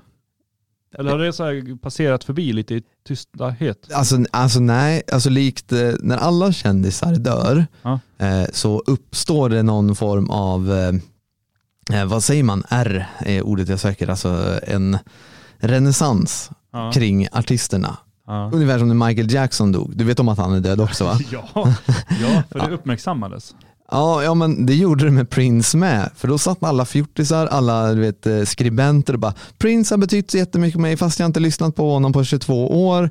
Bla bla bla. Och det blir hyllningar, eh, musiken spelas på radio stup i kvarten och så vidare. Mm, Jag lyssnar inte så mycket på radio faktiskt. Eh, Det är för att du lyssnar på Sverige vaknar, Sveriges enda nationalistiska morgonradio och där Precis. spelar vi inte Prince. Nej, Sveriges, just, Typiskt om vi gör det nu. Sverige vaknar har varit dåliga på att uppmärksamma Prins död tycker jag. Jag tror 2016 fanns inte Sverige vaknar. Nej, fast man har ju kunnat ta upp det efteråt. I första avsnittet kunde man ha sammanfattat alla som hade dött. Det är roligt nu då om det kommer någon så här, eh, någon enveten lyssnare som har eh, lyssnat på alla projekt som har varit och bara, nej men titta här 2016, eh, Magnus Söderman berättade att Prince var död och så bara, Vad han har betytt för honom. det är därför han har glitterbrallor och såna här lustiga kavajer och det här håret. Nej. Just det. Nej, inte riktigt sådär. Okej, Eh, ja, ja, det var ingen nyhet jag kom med då. Eh, nej, men jag tycker det är ändå bra att vi tar upp det. För er som också missar att Prince, Prince är död, så han- är död. Väinö Linna har uh, dödsdag idag, 1992. Det är ju lite spännande. För oss som är intresserade av eh, litteratur. Om, Ja. ja, det, var, det var inget. Det var jag tycker jag, det var så, det blir nästan underhållande ibland. Men i alla fall, eh, vi, vi pratade en hel del om, om Bolibompa och sådär innan musiken. Ja. Vi ska hålla oss, det här låter hemskt att säga men vi ska hålla, släpper Väinö Linna för den här gången. ja, men jag, jag tänker, läs hans böcker. nej, nej jag har inte läst. Nej, men jag säger det, läs böckerna säger jag till alla som lyssnar. De är bra. Okej. Gör som Björn säger. Gör som Björn säger. Eh, vi ska hålla oss kvar lite vid barn och nu menar jag inte på något konstigt sätt att vi ska hålla kvar i barnen eller sådär. Men så här, eh, någonting som alla skattebetalare kan glädja sig åt är att du är med och betalar en extremt eh, sinnessjuk sak i det här landet. För det är World Pride i Malmö i augusti. Eh, ett av de skattefinansierade inslagen på den här dagen är barnens Pride. Härligt. Mm, ja, det är riktigt vrider sig i magen när man ser det här. Det är bara ett enda parti som har röstat nej till World Pride i Malmö. Kristdemokrater, moderater, som då som vi alla ska ha påverkat så mycket. Att eh, nu, nu vänder det. Nu kan vi äntligen få en regering där de gör lite mer nytta än skada. Ja, de röstade för det här. Eh, det konservativa Kristdemokraterna ska man komma ihåg. Eh, och man stö stötte det här eh, projektet World Pride. 30 miljoner kronor av våra skattemedel ska gå för att visa liksom, eh, sexleksaker för barnen och måla pojkar med smink och eh, inte vet jag, klippa håret av eh, små flickor eller något för att de ska känna sig som pojkar. Mm. Eh, och det, det ska ju då vara en Barnens Pride med hjälp av lek, workshops, film, samtal och mycket mer vill vi måla upp en öppen och tillåtande miljö där barnets bästa allting ligger i, alltid ligger i fokus. Ja men lägg ner skiten då. Alltså herregud. Det har ju gjorts eh, sådana här projekt. Barnens Pride har ju anordnats tidigare. 2019 så var det den här uppmärksammade Drag Queen Story Hour med alltså, vad heter varelsen liksom? Lady Busty och Miss Shameless skulle stå och berätta för barnen hur man ska bete sig. Det här är ju så degenererat fruktansvärt skräp. Jag hoppas att Boman där inne går in och vält skiten, spöa de här jävla dragqueensen gör vad som helst i Minecraft. Självklart, det var fel då och det är fel nu. Eh, jag fick eh, lucken att man inte får säga sådär. Eh, Björn har han signalerade. Så jag eh, uppmanar självklart eh, alla att gå dit och inte vara våldsamma. Nej, gå inte dit. gå inte dit. Lud- Ludvig uppmanar alla att gå dit. Ja, man kan ju titta, titta på spektaklet. Eh, nej, det är bättre att stanna hemma tror jag. Uh, jo, nej, men det är mycket grejer där och jag, jag tittar lite grann här. Den 20 augusti förvandlas delar av Pride House till en plats för aktivister, sakkunniga, världsledare och internationella politiker som möts under Summit om hbtqi-flyktingar, gränser och migration. Eh, så att det är ju det Kristdemokraterna och Moderaterna med flera har röstat för att eh, skattemedlen, alltså 30 miljoner kronor, eh, ska användas till. Politisk debatt där aktivister får samlas om hur vi ska kunna öppna gränserna mer, hur fler människor ska kunna komma hit och allt då under allas lika värde-parollen. Undrar om han från Migrationsverket kommer som dom följer där. Kommer du ihåg han som eh, våldtog eh, så här, asylsökande på Migrationsverket? Vi pratade om det om för några veckor sedan. jag har glömt det. Ja men det var i alla fall att när asylsökande kom in i ett rum på Migrationsverket så satt en RFSL eh, homobög eh, människa där och bara vill du komma in i Sverige så dra ner byxorna. Nu har ju dom föll, eh, det har fallit Ja, eh, i det. Undrar om han kommer? Hur gick det då? Ja, han blir ju dömd. Ja. Eh, Jag har inte exakt eh, domen framför mig här. Jag ska se om jag kan hitta den lite Ja, snabbt men sen. då kommer han väl inte då, får man väl tänka om han sitter inspärrad kanske. Men man vet ju aldrig. Nej, han är ju säkert hjärtligt välkommen. Eh, Det skulle jag tro. Det skulle jag tro, precis som alla andra människor i hela världen är välkomna till Sverige och Malmö när kristdemokrater och moderater får bestämma. Här någonstans, för att jag vet ju att eh, alltså det finns goda krafter i, i Skåne och i Malmö. Eh, och jag säger inte att eh, jag vet inte om det är rätt eller fel om det ska göras liksom någonting eh, sådär mo- mot den här typen av verksamhet. Däremot jag blir lite besviken på Malmös alla muslimer. Ja, Jag hade velat se du vet, eh, den här uppståndelsen med att muslimerna stormar eh, barnens pride och kastar Miss Shameless i någon å, liksom stenare. Alltså, jag, brukar Ja. inte, jag är ju inget fan vanligtvis av den här liksom, eh, muslimska steningen. mm. Men jag tycker att det kan vara värt att fundera på om det är ett inslag vi vill inkorporera i vårt, eh, i vårt tankesätt här i vissa fall. Ja, nej men alltså det, det är ju det som är grejen med eh, muslimer. Att de, de bryr sig inte särskilt mycket om saker utanför deras egen värld. Alltså i, i sådana här sammanhang. Eh, utan de tycker att, ja men vadå pride, det är urspårat, det är sinnessjukt, de föraktar det, de eh, vet att det är ogudaktligt och så vidare. Men det är någonting som svenskarna håller på med. Så de bryr sig inte. Däremot skulle det bli liksom riktade insatser att deras barn ska kommenderas ut och gå med prideflaggor och sånt där. Då kanske vi kan få se en del protester. Ja, men det är ändå intressant eh, om vi tar med det vi pratade om med bullbumpa, om vi har det liksom kvar i, i vårt medvetande. Det är Pridefestival för barn, det är hjärntvätt på våra tv-apparater. Det är ju ett enormt angrepp på våra barn Ja. eh, som pågår. Och eh, här, vi, ja, vi, vi pratade om bara att det, det hade varit intressant, det hade varit kul att se hur muslimer reagerar på det, men det är som du säger, de kanske inte bryr sig. Men är det någonting vi har lärt oss om är att mycket vill ha mer hela tiden. Det gäller båda grupperna. Det gäller både muslimer och det gäller hela pride-människorna. Mm. När kommer konflikten? Det, det- undrar jag. När kommer den fullskaliga liksom, öppet krig-konflikten där de mer hårdföra muslimerna säger bara nej men ni är, ni är oäktingar av satan, ni borde liksom förkastas å det grövsta. Och många, jag vet Alexander Bard har ju exempelvis, han har redan tagit ställning i det här, i den konflikten.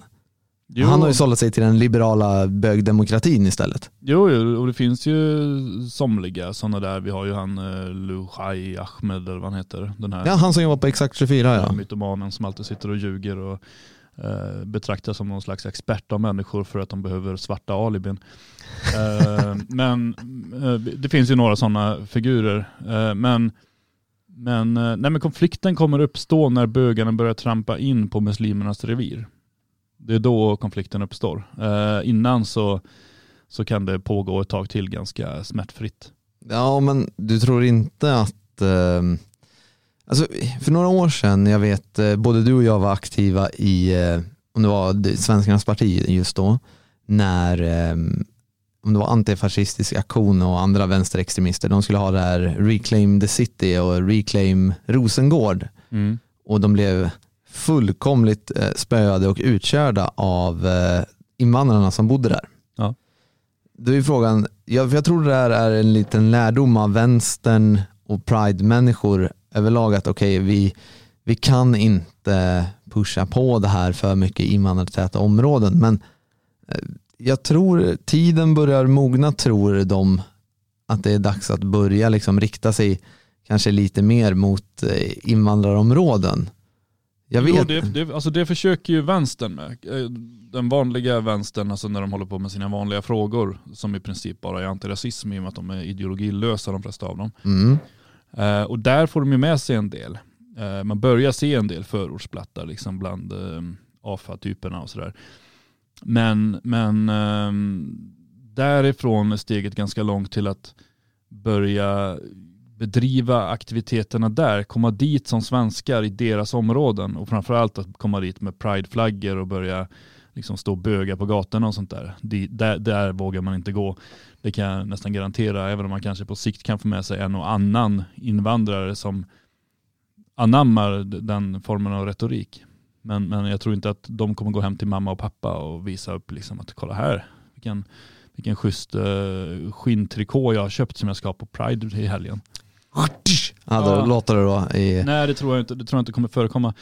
Eh, sen, ehm, eh, vad ska man säga, nej men jag tror att eh, så, så länge de eh, håller sig på avstånd ifrån varandra så, så kommer det nog pågå ganska. Sen är det klart att de, de vi har ju till exempel varenda dagis i hela Sverige typ har ju prideflaggor överallt. Mm. Eh, och även då i invandrarområden och sådär. Men jag tror det är lite samma sak där.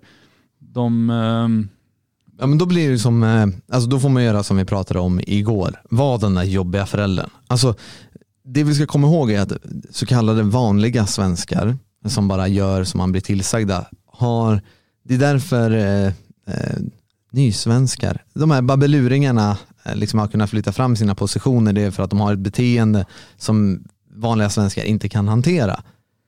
Testa bara om det sitter uppe någon prideflagga där på, eh, på dagis och ta bara ner den, ifrågasätt eller gör, gör vad som helst.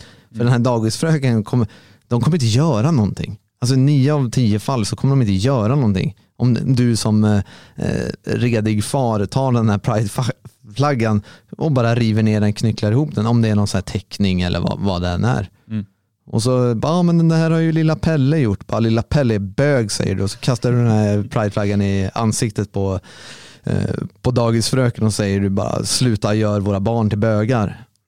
Alltså, nu behöver man kanske inte alltid vara så hård. Man kan ju också bara, nej men det här är fel av eh, ideologiska och politiska skäl. Ni slutar pracka på våra barn fel saker. Mm. Men jag har full förståelse för den förälder som gör liknande saker. Och dagispersonal, skolpersonal eller vilka det må vara kommer bara stå där och skämmas. Det är det de kommer göra när vanligt folk går ihop och säger åt dem att det här är fel, det här är sjukt, vad håller ni på med? Mm. Vi ska inte ha någon eh, ramadan eh, liksom dag eller vi ska inte ha någon pride-dag i, i skolan. Det, ni ska inte, vad, vad sysslar ni med? Ni gör det här bara för att samla godhetspoäng eh, överhuvudtaget. Ni är efterblivna. Sluta upp med det. Så kommer de Eh, personalen som tyckte att det, var, det här var ju en check och bra idé Agneta. Vad bra att du kom med den. Åh, nu får alla känna sig inkluderade. Barnen gillar det inte. Det är ingen som gillar det förutom de här idioterna som styr i skolväsendet och sådär. Så att de kommer bara, nej. Gör motstånd.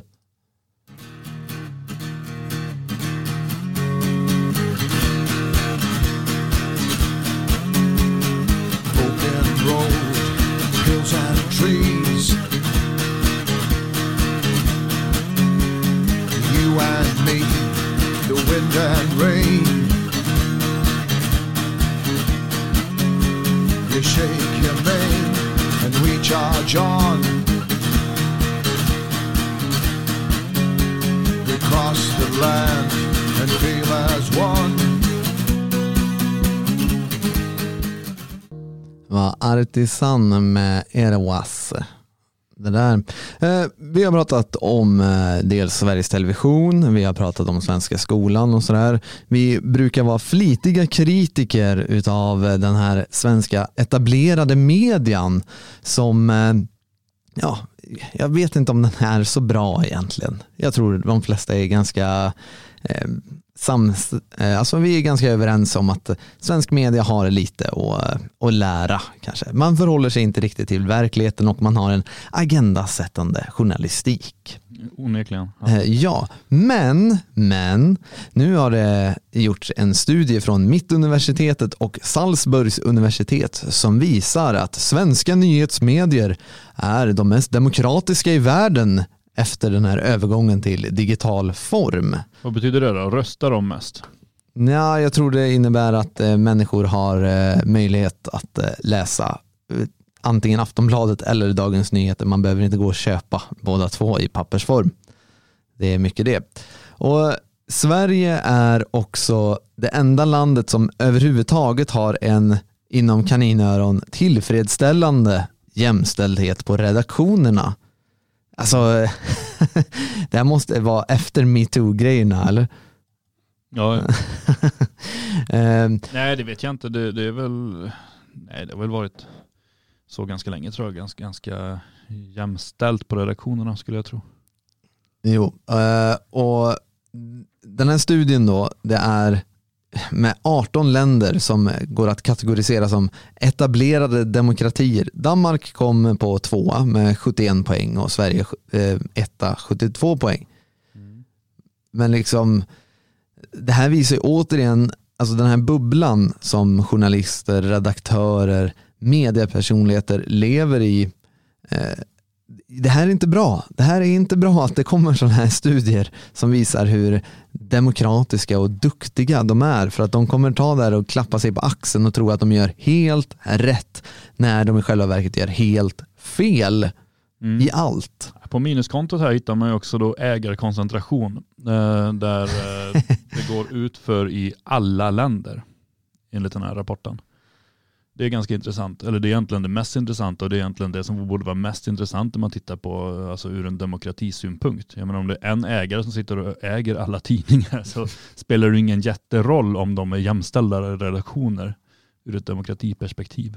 Nej, inte riktigt. Men alltså Sverige brukar ju stå som exempel flera gånger i liknande studier om att vara bäst på antingen det ena eller det andra hela tiden. Vad, vad tror du det här gör med med dels bilden av sig själva men även den så kallade Sverigebilden? Vad tror du det gör för det svenska journalistskrået där? De kommer få klappa sig själva på axeln, absolut. Men Ja. i, i förlängningen, eh, vad, vad, vad tror du? Ja, jag har en liten så, men du, jag låter dig köra först där. Mm. Mm, nej, så grejen är ju att jag, jag försöker lite grann just nu titta på själva rapporten. Det är väldigt eh, flashigt med grejer som rör sig och, och Men det är för att du har för många flikar. nej, det är för att eh, de har gjort sidan så. så här bläddrar fram så här olika siffror och sånt där. Och det, den är svåröverskådlig just nu så jag vet inte mer än vad man kan läsa i, i eh, Fria Tider som i sin tur hänvisar till en ganska innehållslös artikel i Journalisten. Mm. Som i sin tur då hänvisar till själva forskningsprojektet som jag just i detta nu inte lyckas hitta någonting på. Nej, men Så alltså, det är svårt att veta var de utgår ifrån. Alltså är det ägarkoncentration är uppenbarligen en sak, eh, journalisters anställningstrygghet är en annan sak man har tittat på. Där går det utför i alla länder. Eh, sen, sen har vi också eh, jämställdheten då, eh, digitala plattformar eller någonting annat. Eh, Men det är svårt att säga exakt vad de har tittat på. Men oavsett vad, vad de har tittat på, så vad betyder det? Jo, det betyder ju att svenska journalister kommer fortsätta precis som de alltid har gjort. Eh, Och nu då kan luta sig mot det här också, när folk kritiserar dem som partiska eller som någonting annat. Att ah, men kolla här då, vi finns mest demokratiska i hela världen. Det är inte det de har tittat på. De har inte tittat på vilket skit de skriver. Utan de har ju bara tittat på typ, är det tillräckligt många kvinnor på den här redaktionen? Eh, Sådana detaljer. Men, men även kvinnor kan ljuga kan jag tala om. Många tror Oh. inte det. ja, det är en jättekonstig föreställning människor har eh, faktiskt. Eh, män i skor har de föreställningarna.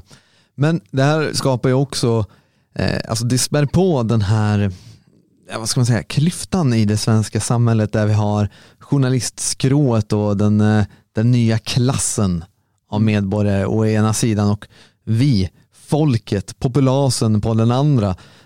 Det här bara det här in, inte cementerar någon form av klyfta utan snarare gör den större. Där de befinner sig på en resa långt, långt ifrån. De är i sin egna lilla bubbla. Det här som egentligen alla vet. Och den här polariseringsprocessen i det svenska samhället, den kan man tycka både gott och ont om.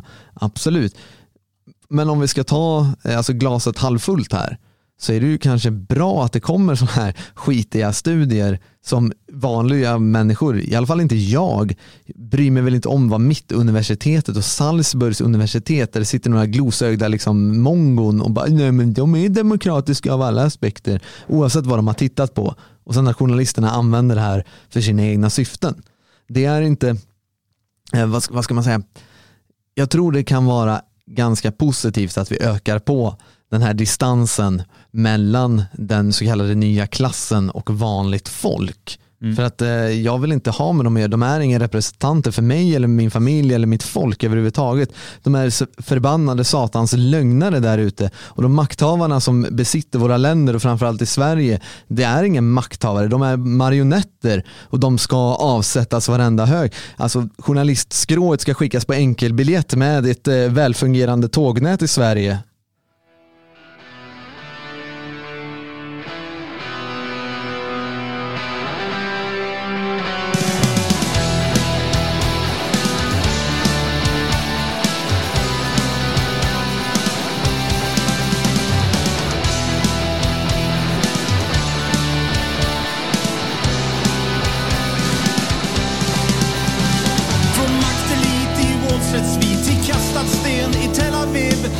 Vid bergets fot vid slätten Från fjärran ekar stegen där de går Blå brigader med låten Maktelit hade vi där. Mm. Jag ska nog lyssna mer på dem tror jag. Jag blev lite så här förvånad att det, här lät ju bra, tänkte jag. Ja, Eller jag stod till och med och sa det. Utropade det här i studion att det här var bra. ja. Det är sällan jag gör det. Ja men det är ju du väljer som väljer musik. Ja. Så att det, det var kul att vi än kunde lyssna. Vi fick en fråga i eh, Radio Svegot-chatten förut här att eh, det var en låt som var någon som tyckte det var länge sedan de hörde bandet i alla fall så att de tackade och Tackade dig gjorde de. ja, vilket är helt fel. Alla vet ju om att det är du som ordnar musiken. Jag brukar försöka. Jag tycker du försöker bra. Mm, Ja, eh, jag såg också här eh, i, den här, eller angående den här eh, rapporten som har kommit så står det där att Sverige får höga omdömen när det gäller bland annat redaktionell integritet, oberoende, jämställdhet, pressetik, eh, journalistisk professionalism.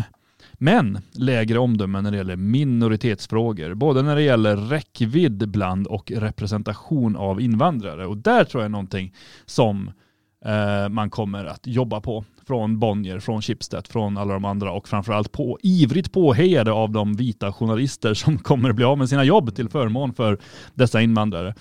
Eh, vi har redan mängder av, alldeles för många invandrare på redaktionerna. Eh, inte minst Sveriges Radio som har blivit någon form av eh, liksom, kanal där, man, eller där kanalerna tävlar med varandra om vem som kan prata mest obegriplig svenska. Eh, man måste sitta extremt koncentrerad för att förstå vad de försöker få sagt. Alltså där tonfall, eh, liksom, alltså den språkliga melodin är helt fel, de inte kan uttala ord. Eh, Idag i eh, Nyheter Sverige. Ja, Det är ju så det låter. Det är fruktansvärt illa och de läser till för att liksom få det rätt och det blir så fel. eh, mycket mer sånt kommer vi, kommer vi få se.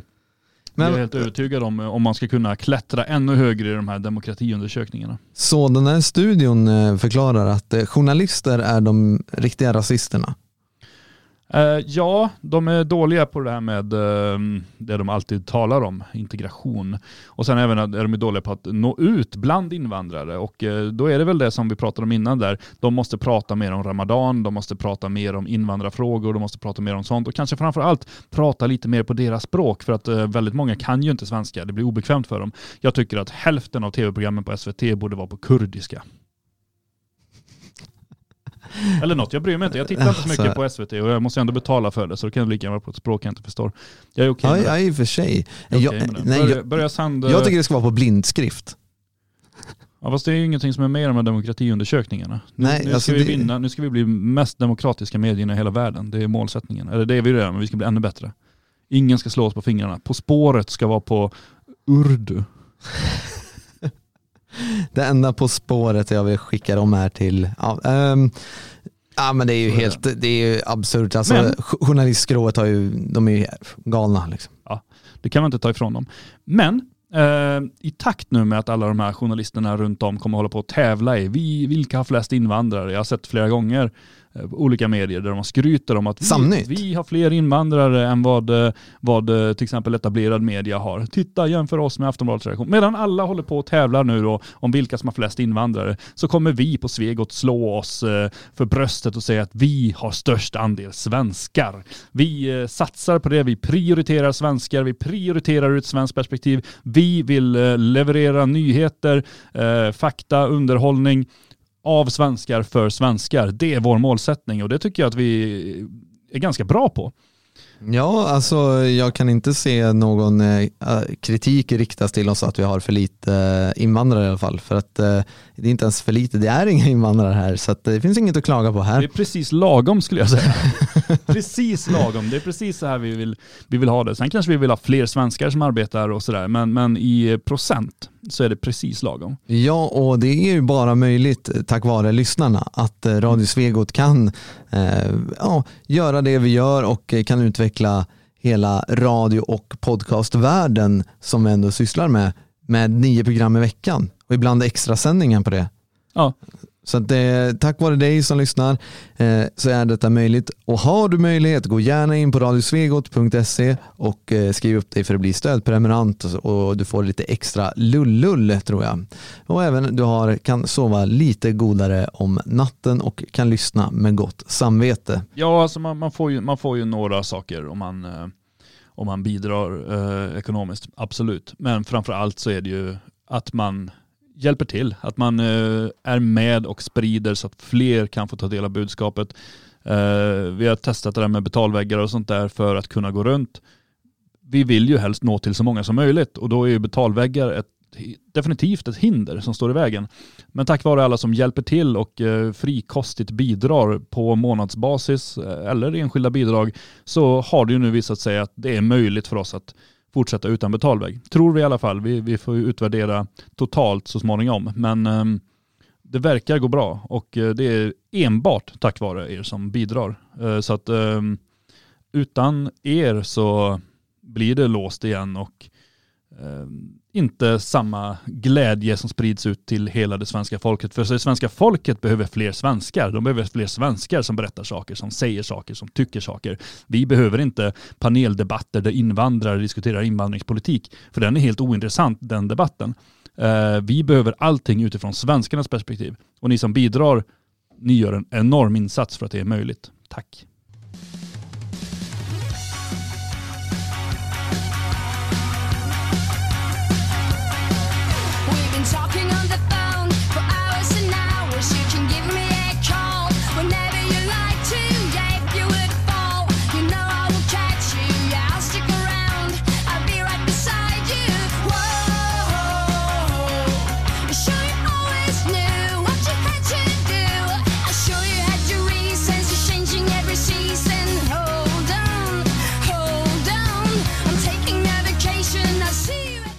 The Sounds med Seven Days a Week. Det är ungefär så många dagar man kan lyssna på Radio Svegot. Det är bara lördagar det inte är något nytt program, men då brukar det, jag har sett att det kan dyka upp lite repriser av gamla program, så att det, det är värt att alltid ha radion på, skulle jag vilja säga.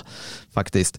Eh, igår eh, så hade vi ju medlemsmöte för Det fria Sverige, vilket alltid är lika givande och kunna få berätta för medlemmar vad som är på gång i föreningen och som vanligt så är det mycket som händer och tack, det är också tack vare medlemmarna. Det är fantastiskt att kunna engagera den, de kadrerna av medlemmar och duktiga eh, hjälpsamma medlemmar som finns där ute. Ja, jag hör också att det är några av de här eh, medlemmarna arbetar på huset just nu så det låter lite i bakgrunden. Jag hoppas inte det sprider sig in i studion. Det, Nej, det gör nog inte det. Jag trodde det var du som hade någon bakgrundsmusik först. Jag tänkte det här var irriterande. det låter, nej, Dåligt val av bakgrundsmusik. det låter som någon form av slipmaskin i alla fall eh, faktiskt. Ehm, så vi får se, det blir nytt när vi kommer ner och det kommer se annorlunda ut i Svenskarnas hus när vi öppnar igen första maj. Ja, med, visst. lördagsöppet. Vi kommer ju att ha en ehm, butik. Eh, Det har vi alltid haft. Men eh, vi har flyttat på den. Ja, byggt nytt har vi gjort också. Ja, väldigt mycket nytt. Mycket fler titlar eh, av böcker. Så gillar man böcker så är det ju, det ligger ju en halvtimme härifrån så ligger det någonting som heter Böckernas hus. Vi skulle kunna börja aspirera på det namnet. Fast Svenskarnas hus är bra så att vi behåller det. Men det finns mycket böcker här nu att köpa om man, om man vill. Eh, och allt kommer inte kunna finnas nere i butiken men allt kommer finnas tillgängligt. Så att eh, kommer man och vet att den här boken har Logikförlag, den vill vi köpa, så kan man fråga efter den om den inte står där nere. Så, eh, vi skulle haft ett hål i golvet. Ja, ja, jag säger det. Jag och Björn vi har haft en lång diskussion om om man behöver ha hål i golv eller inte. Ja, jag är emot det kan jag säga. Ja, jag, jag gillar, alltså det, folk bara kommer med sådana här lustigheter om jag säger att jag gillar, alltså jag har varit håltagare, det, det är det som är grejen eh, som vi diskuterar. Men eh, den här, det är precis samma sak där, alltså föreningen Det fria Sverige och även Svenskarnas hus är möjligt tack vare medlemmarna. Så är du inte medlem i Det fria Sverige, bli medlem, kom hit, var en del av det vi håller på att bygga upp. Och det är inte bara här i Älgarås det händer saker. Det händer saker runt om i landet hela tiden. Vi har alltså ett flitigt gäng i Stockholm som träffas när bland annat du Björn brukar vara med på fredagstinget som eh, har gjort en grej av det här som eh, du som medlem kolla in det på friasvenskar.se i alla fall. Eh, det är mycket evenemang, det är familjedagar runt om i landet, det är sportaktiviteter, det är träffar, fika, det är så mycket som händer hela tiden så att eh, Ja, och sen är det också så här att bor du någonstans där du, nej men här händer ju ingenting, men gå med i föreningen och arrangera. Eh, Börja med någonting litet, bara lägga ut liksom att eh, ja, men vi, vi kan väl träffas. Plötsligt så kanske det visar sig att ni har tre pers på samma ort och eh, ni kan börja bygga nätverk och sen hålla större och större aktiviteter. Det är ju mm, det är många i föreningen som har träffats genom att de har eh, börjat på det sättet. Att, eh, ja men finns det någon här? Hallå? Och så bara eh, liksom kommer ett svar som inte är ett eko utan en annan människa som finns i närheten och tycker likadant. Ja, och det finns det många exempel på. Så här, jag trodde inte att det, det var så här och så är det människor på samma gata som eh, visar sig, Mm. jaha, är du också medlem i det fria Sverige? Vad underbart. Grannsämjan blev betydligt bättre. Ja. Eh, har ryktats om. Eller så, jag vet inte, om man tar grannfejden in i föreningen. Nej det får man inte göra. Jag har ju lyckats göra det. Mer än så säger jag inte. Jag kan ha sagt vissa saker i radio som eh, rör, ah, ja. eh, så kan det vara. Eh, ikväll 20.00 så är det veckans hädelser så att jag hoppas att du kan vara med och lyssna på det. Just. Det kommer vara en del, eh, som vanligt en hel del kritik men det är inte av de vanliga slagen kommer det bli eh, det här avsnittet. Ovanlig kritik. Ovanlig kritik Missa faktiskt. inte. Precis, missa inte. Imorgon klockan åtta så är eh, du och jag tillbaka Björn. Som Nej. Har... Nej, nej, nej, nej, nej. Det är jag med en hemlig gäst. Nej, det är jag och Jalle Horn faktiskt som Mm. bemannar mikrofonerna och eh, jag tänker att jag ska skaka ur honom all eh, hans kunskap så han kan ge, oss på Låt Den, morgonen. låt den ligga kvar här i studion sen så jag kan suga åt mig och använda den i kommande veckor. Ja, jag tänkte jag, jag gör det. Men till alla er som har varit med denna morgonen här i Sverige vaknar, ha en fortsatt trevlig dag.